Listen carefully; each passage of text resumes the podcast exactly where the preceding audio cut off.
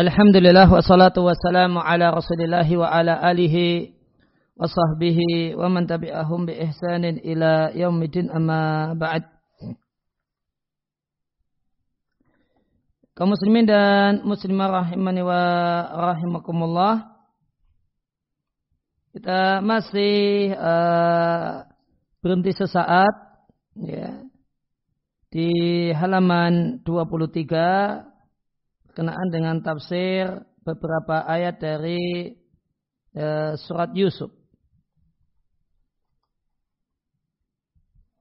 Selanjutnya adalah pada bagian ayat walaqad hammat bihi wa biha. Sungguh Zalikha e, ber, menginginkannya menginginkan Yusuf dan Yusuf pun menginginkannya. Ya, tentang makna potongan ayat ini perlu diketahui tidak ada nas dari Al-Quran dan hadis yang menjelaskan niat apa yang ada pada diri Yusuf alaihissalam. Namun sahat ba'dul athar ani sahabah terdapat sejumlah asar dari sahabat dan tabi'in yang isinya bahasanya Yusuf itu telah menduduki Zalikha sebagaimana seorang suami menduduki istrinya. Sudah posisi duduk. Biduni jima'in namun belum terjadi hubungan biologis.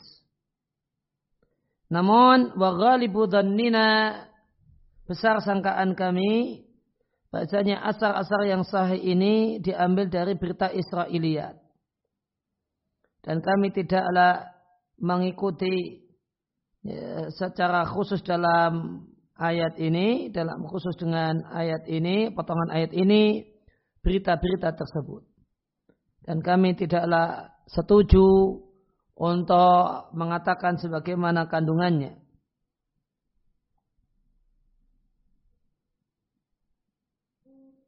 Wadhalika li barati Yusuf salamu dan hal tersebut karena bersihnya Nabi Yusuf alaihi salatu wassalam ya, dari hal ini sebagaimana telah disebutkan. Kemudian poin selanjutnya kata-kata berkeinginan itu maknanya berbilang.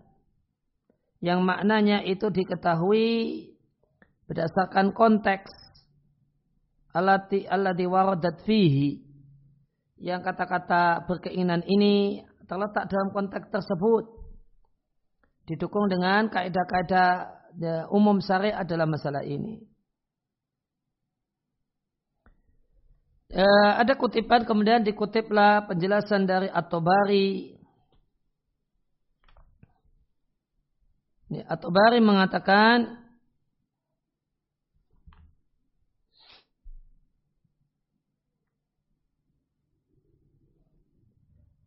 alhamu bisyai dalam bahasanya orang Arab adalah keinginan jiwa untuk melakukannya namun tidak melakukannya. Namun belum melakukannya.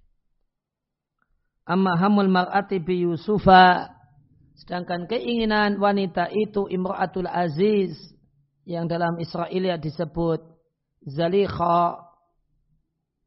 Yang Allah katakan walakat hammat bihi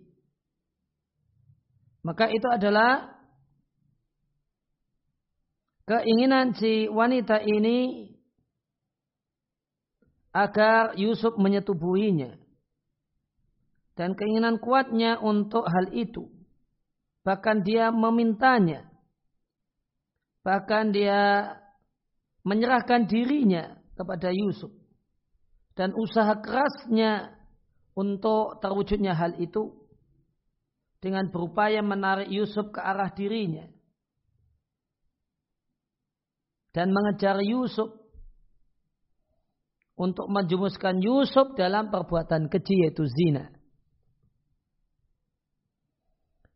Sedangkan keinginan Yusuf terhadap perempuan tersebut, kata masih penjelasan dari At-Tubari, Fadzahir, maka kemungkinan yang lebih mendekati wallahu a'lam annahu hadisun nafsi alladhi hadasathu bihi nafsahu. Itu adalah keinginan di dalam hati sebagaimana keinginan si perempuan. Atau keinginan terbetik dalam hati yang jiwanya uh, membisikkan hal itu. Akan tetapi Yusuf meninggalkan aplikasi dari keinginan ini karena rasa takut kepada Allah dan mengharap wajah Allah Subhanahu wa taala.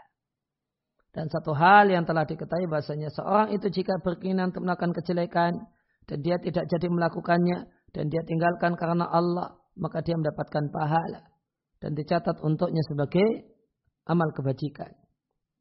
Dalam sabur dan sahih Muslim dari Abu Hurairah radhiallahu anhu, Rasulullah sallallahu alaihi wasallam bersabda, Allah berfirman, jika hambaku berkeinginan untuk melakukan kejelekan, jangan ditulis sampai dia mengerjakannya. Jika dia mengerjakannya, Tulis semisal itu. Jika dia meninggalkannya min ajli karena aku kata Allah, catatlah sebagai satu amal kebajikan.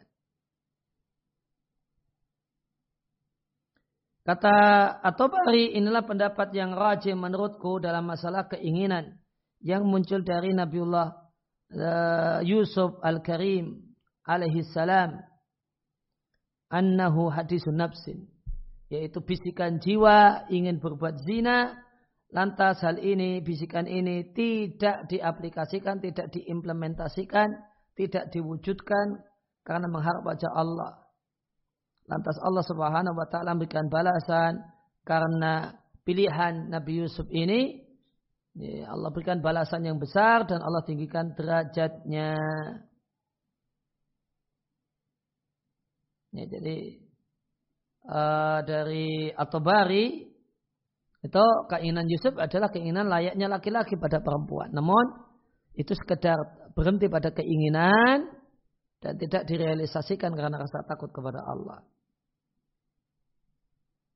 Dan pendapat yang dipilih oleh Atubari ini pendapat yang dianut oleh banyak para ahli tafsir.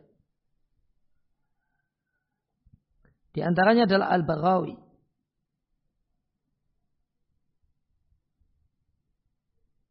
Al-Barawi mengatakan yang namanya keinginan ada dua macam.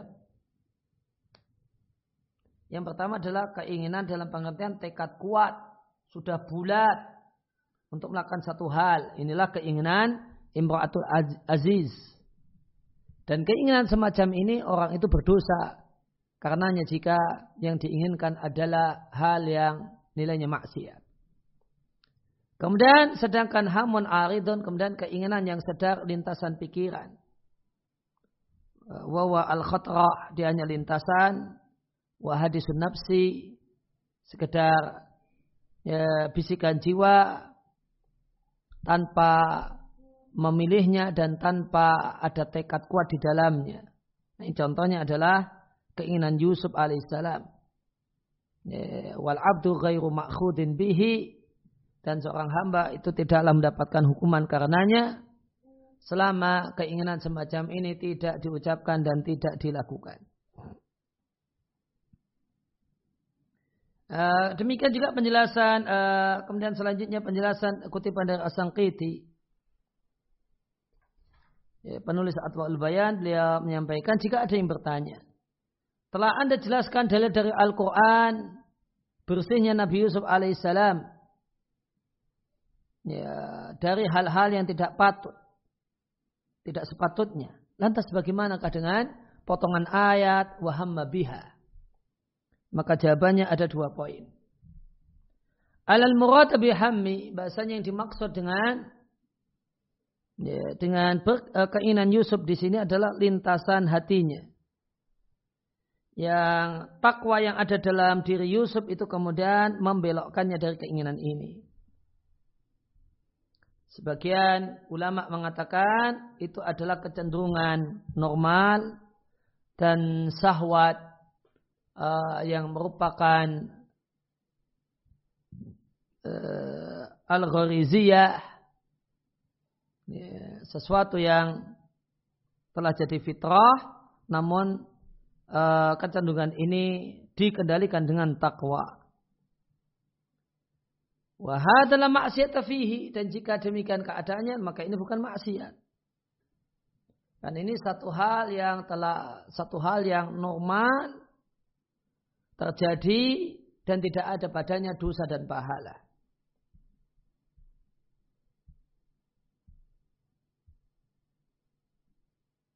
Maka ini sebagaimana dalam hadis Nabi Shallallahu Alaihi Wasallam membagi giliran secara adil di antara istri-istrinya. Setelah itu berdoa Allahumma hada ismi fima amliku. Ya Allah inilah pembagianku dalam apa yang aku miliki. Janganlah engkau celah aku dalam hal yang tidak aku miliki. Yaitu kecondongan hati yang normal. Contoh pembandingnya adalah kecondongan orang yang uh, orang yang puasa dengan uh, karena dia normal manusia punya kecenderungan untuk uh, ingin minum air. Lantas takwanya menghalanginya untuk minum dalam kondisi berpuasa.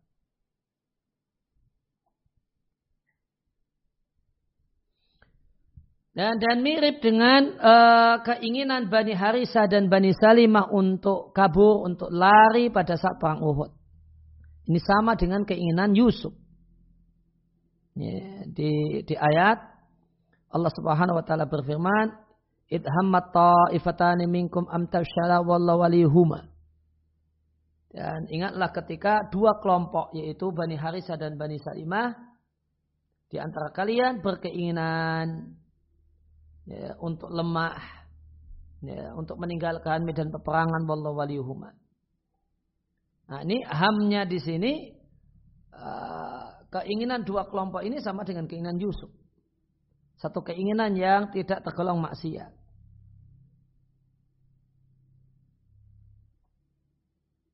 Dan orang Arab biasa menyebut alhamu dan maknanya adalah menginginkan dan menyukai. Dan sesuatu yang tidak diinginkan dan tidak disukai, orang Arab bisa eh, mengungkapkan dengan hadam mayahumuni. Nah, hamnya Yusuf itu berbeda dengan keinginannya Imra'atul Aziz.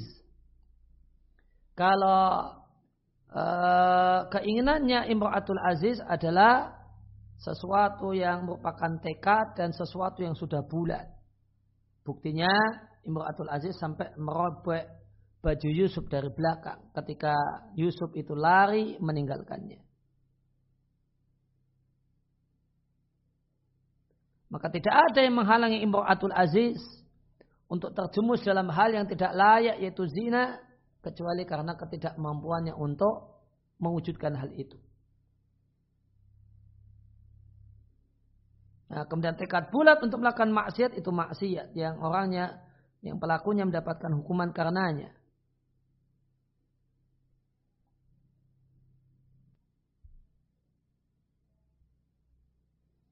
Ya, kemudian apa uh, Muhammad Amin Singkiti mengatakan adapun mentakwil keinginan Yusuf dalam artian bahasanya dia itu hampir berkeinginan namun tidak berkeinginan atau uh, uh, atau hampir uh, sebagaimana pendapat Zamakhsari atau keinginan Yusuf dimaknai dengan keinginan untuk memukul Zalikha atau mendorong Zalikha. Maka ini semua adalah tafsiran yang tidak jelas ya, tafsiran yang tidak berdasarkan uh, apa, uh, tafsiran yang kurang tepat jauh dari makna zahir dan tidak didukung oleh dalil.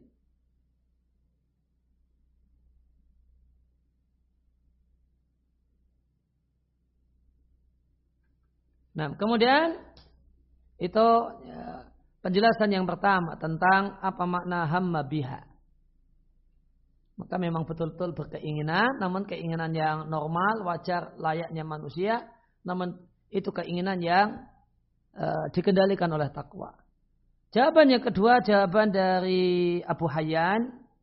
Beliau mengatakan bahasanya Yusuf tidak sama sekali tidak memiliki keinginan. Bahkan keinginan untuk melakukan hal yang tidak pantas itu tidak ada pada diri Yusuf karena Yusuf melihat burhan mirabbihi. Bukti dari Robnya.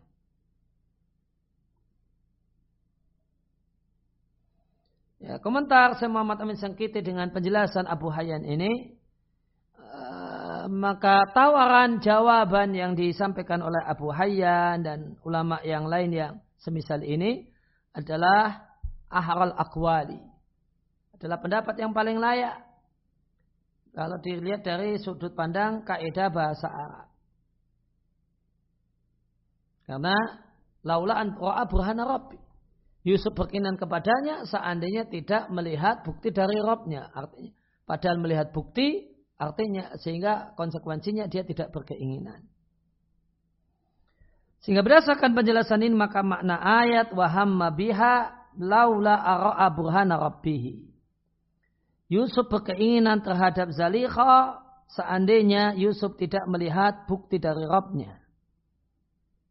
Artinya seandainya tidak melihat bukti dari Rabbnya, tanda dari Rabbnya, tentu Yusuf berkeinginan kepada wanita tersebut.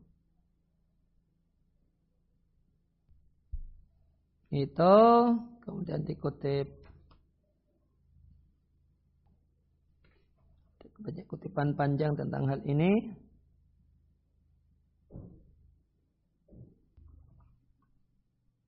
Ya, kemudian kita lengkapi dengan kutipan perkataan Ibnu Taimiyah di Majmu' Fatawa tentang walaqad hamma bi wa hamma biha laula ara'a burhana rabbi. Kata Syekhul Islam Ibnu Taimiyah rahimallahu taala Nabi Yusuf alaihissalatu wassalam tidaklah Allah sebutkan dalam Al-Quran bahasanya beliau melakukan bersama wanita itu satu dosa yang wajib bertobat darinya. Sama sekali tidak ada. Dan para ulama pun sepakat bahasanya Yusuf tidak terjumus dalam zina. Akan tapi sebagian ulama menyebutkan telah terjadi pada diri Yusuf sebagian mukadimah zina. Semisal apa yang disebutkan oleh sejumlah ahli tafsir bahasanya Yusuf telah melepas celananya.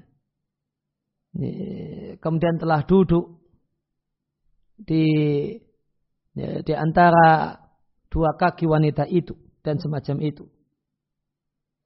Namun nukilan ini, kutipan ini tidaklah berasal dari Nabi Shallallahu Alaihi Wasallam dan tidak memiliki landasan kecuali itu nukilan dari sebagian ahli kitab.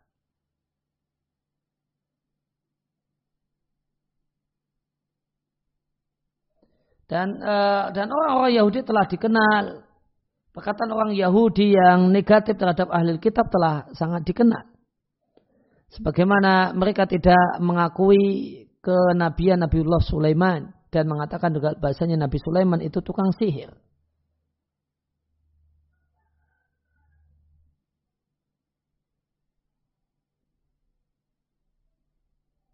Falau lam yakun ma'ana, maka seandainya kita tidak punya bukti untuk menyanggah nukilan tersebut, minimal kita tidak akan mempercayai sesuatu yang kita tidak yakin kebenarannya.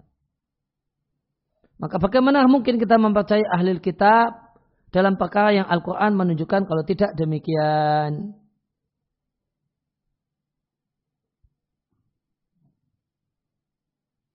Maka Al-Quran telah mengabarkan ya, tentang Nabi Yusuf bahasanya beliau Nabi Yusuf ini ber, berlindung dan bertakwa dan bersabar menghadapi permasalahan ini. Satu hal yang tidak Allah ceritakan dari seorang pun yang semisal kesabaran Yusuf. Allah tidak menyebutkan tentang Yusuf kalau Yusuf bertobat ataupun istighfar Sebagaimana Allah menyebutkan para-para nabi yang lainnya melakukan kesalahan dan bertobat dan istighfar. Sehingga bisa disimpulkan bahasanya apa yang dilakukan oleh Nabi Yusuf alaihissalatu wassalam adalah amal kebajikan. Dan tindakan yang layak untuk mendapatkan apresiasi. Sebagaimana yang Allah kabarkan tentang Nabi Yusuf. Innahu mayattaqi wa yasbir fa innallaha la yudhi'u ajral muhsinin. Siapa yang bertakwa dan bersabar, Allah tidak akan melantarkan pahala orang-orang yang berbuat baik.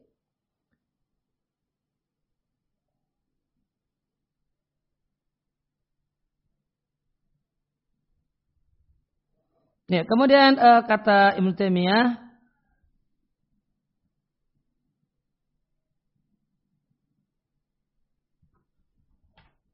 ya, sedangkan tafsiran dari Abdullah bin Abbas radhiallahu anhu terdapat dari Ibn Abbas dari sejumlah jalur yang diatkan oleh Atobari dan yang lainnya Ibn Abbas ditanya tentang apa keinginan Yusuf kepada Zalikha.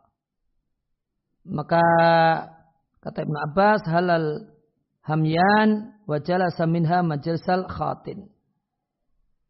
Ya, dia melepas hamyan dan duduk sebagaimana duduknya seorang laki-laki dengan seorang suami dengan istrinya sebelum terjadi hubungan biologis.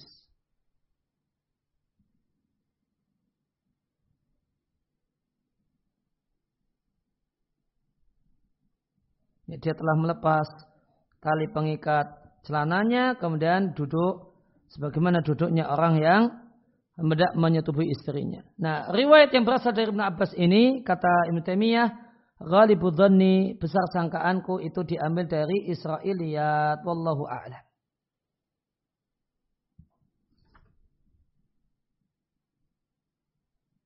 Nah, kemudian itu kurang lebih uh, penjelasan untuk walaqad hamma bihi wa hamma biha.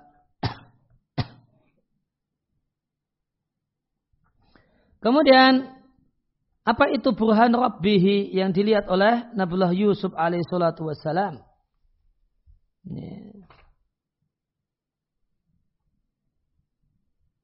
Apa itu? Burhana Rabbi.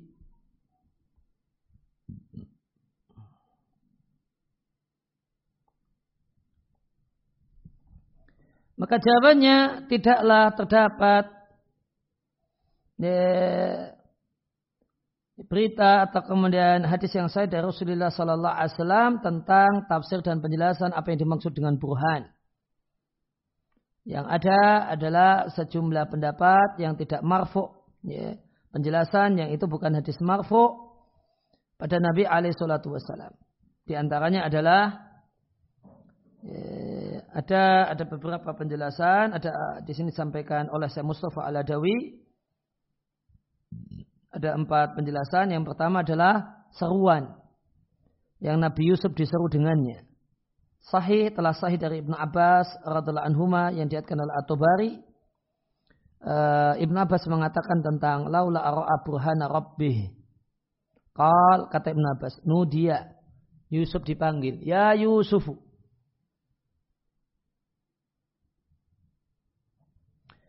Wahai Yusuf apakah engkau berzina sehingga engkau seperti burung yang jatuh bulu-bulunya Lantas kemudian dia terbang tanpa bulu. Penjelasan yang kedua yang dimaksud dengan burhan adalah ya, gambar ya, di tampilnya wajah atau gambar Yakub alaihissalam yang terlihat pada Yusuf alaihissalam. Ya, sahih dari Ibn Abbas dari sejumlah jalur yang dikatakan At-Tabari bahasanya tamat salat lahu suratu abihi terpampang di hadapan Yusuf gambar ayahnya Yakub dalam keadaan menggigit jari-jarinya. Maka yaitu jari-jarinya Yusuf atau ya, atau jari-jarinya sendiri lantas keluarlah sahwat Yusuf dari ruas-ruas jarinya. Yang ketiga, yang dimaksud dengan burhan adalah ayatun min ayati Rabbi. Salah satu ayat Allah subhanahu wa ta'ala yang dengannya Allah menghalangi Yusuf dari maksiat. Maka ada ulama yang mengatakan bahasanya inna hadil ayat ayat ini yaitu firman Allah wala taqrabuz zina inna kana fahisyata wa sa'a sabila. Ini dijelaskan oleh Muhammad ibn Ka'ab. Ada yang wa minhum ada ulama yang mengatakan Yusuf melihat tiga ayat dari Al-Qur'an yaitu wa inna alaikum lahafidin. Sungguh ada yang mencatat amalmu. Wa ma takunu fi. Dan afaman wa qa'imun ala kulli nafsin bima kasab. Ada tiga ayat dari Al-Qur'an yang dinampakkan pada Nabi Yusuf. Kemudian yang keempat, sejumlah ulama tafsir yang lainnya menyebutkan yang maksud dengan burhan adalah uh, tampilan uh, terlihatnya malaikat. Nah, maka inilah uh, inilah pendapat-pendapat penjelasan-penjelasan ya sebagaimana telah dijelaskan tidak ada satupun yang sahih dari Rasulullah sallallahu alaihi wasallam. Oleh karena itu Abu Ja'far atau Bari rahimallahu taala menyimpulkan wa aulal aqwali fi dzalika biswabi ayuqal. Pendapat yang paling layak sebagai pendapat yang benar adalah kita katakan bahasanya Allah Jalla Sana'uhu mengkabarkan tentang keinginan Yusuf dan Imratul Aziz. Masing-masing dengan pasangannya, dengan kawannya. Seandainya bukan karena Yusuf melihat Burhan Rabbihi. Dan Burhan Rabbi tersebut adalah ayat satu tanda dari Allah yang tanda tersebut melarang Yusuf untuk melakukan apa yang dia inginkan. Yaitu perbuatan zina yang diinginkan oleh Yusuf. Dan boleh jadi ayat tersebut adalah berupa gambar ayahnya Yakub dan boleh jadi itu gambar malaikat dan boleh jadi ancaman yang ada dalam sejumlah ayat yang Allah sebutkan dalam Al-Quran yang ditujukan kepada pelaku zina. Wala hujjata lil udri wala hujjata lil udri qati'atan bi ayyi dzalika kana min ayyin. Namun tidak ada argumentasi yang kuat untuk menentukan itu bentuknya seperti apa. Ya, burhan tersebut bentuknya seperti apa waswabu ayyuqala fi maka yang tepat adalah kita katakan sebagaimana yang dikatakan oleh Allah Subhanahu wa taala yaitu Yusuf melihat burhan Rabbih mengimaninya kemudian untuk detailnya kita pasrahkan kepada Allah zat yang mengetahuinya ya, seandainya Yusuf berkeinginan dengan Zalikha seandainya dia tidak melihat burhan Rabbihi. Artinya apa?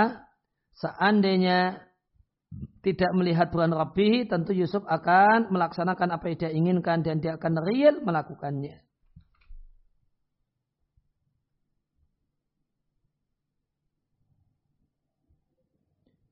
Kadalika linasrifa anhu su'al wal fahsya. Demikianlah kami selamatkan Yusuf dari perbuatan keji.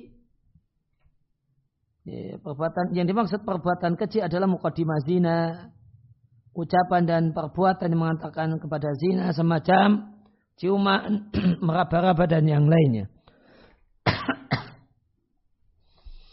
Wal fahsya dan perbuatan zina. Maknanya sebagaimana kami perlihatkan pada Yusuf alaihissalam bukti dari Robnya. Maka dengan bukti tersebut Yusuf selamat dari perbuatan keji. Fakadhalika nurihi inda kuli amrin fihi su'un ya'ridu lahu. Maka demikian juga kami nampakkan pada Yusuf pada setiap perkara yang mengandung kejelekan yang akan uh, disodorkan kepada Yusuf. Kami nampakkan padanya bukti dan ayat yang mendorong Yusuf dan menyelamatkan Yusuf dari melakukan perbuatan yang haram. Ya demikian uh, masih di tafsir beberapa ayat dari surat Yusuf. Uh, Wassallallahu ala nabiyina Muhammadin wa ala alihi wa wasallam wa arhuda'ana anilhamdulillahi rabbil alamin. Ada pertanyaan?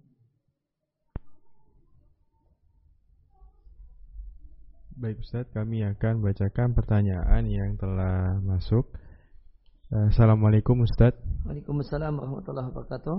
Eh, Afwan izin bertanya Ustaz, bagaimana adab seharusnya untuk suami istri terkait menggunakan HP saat sedang berada di rumah ya Ustaz? Ya, eh, kunci apa ya, kunci pertanyaan atau jawabannya jawaban pokoknya adalah komunikasi. Buat kesepakatan. Ya, buat kesepakatan. Dan kesepakatan ini adalah kesepakatan yang mendukung terwujudnya keharmonisan uh, suami dan istri. Dan tentu bukanlah satu keadaan yang harmonis. Kalau ketika dua-duanya sudah di rumah kemudian masing-masing sibuk dengan HP-nya masing-masing. Ya bahkan lebih harmonis manakala ketika duduk bersama dua-duanya menyimpan HP-nya masing-masing sehingga uh, tidak ada HP di antara kita. Ya, atau kemudian dibuat kesepakatan waktu tertentu ya, uh, boleh pegang HP itu kapan? Disepakati, diobrolkan dan buat kesepakatan. Nah, Subhanakallahumma bihamdika asyhadu an la ilaha illa anta astaghfiruka wa atubu.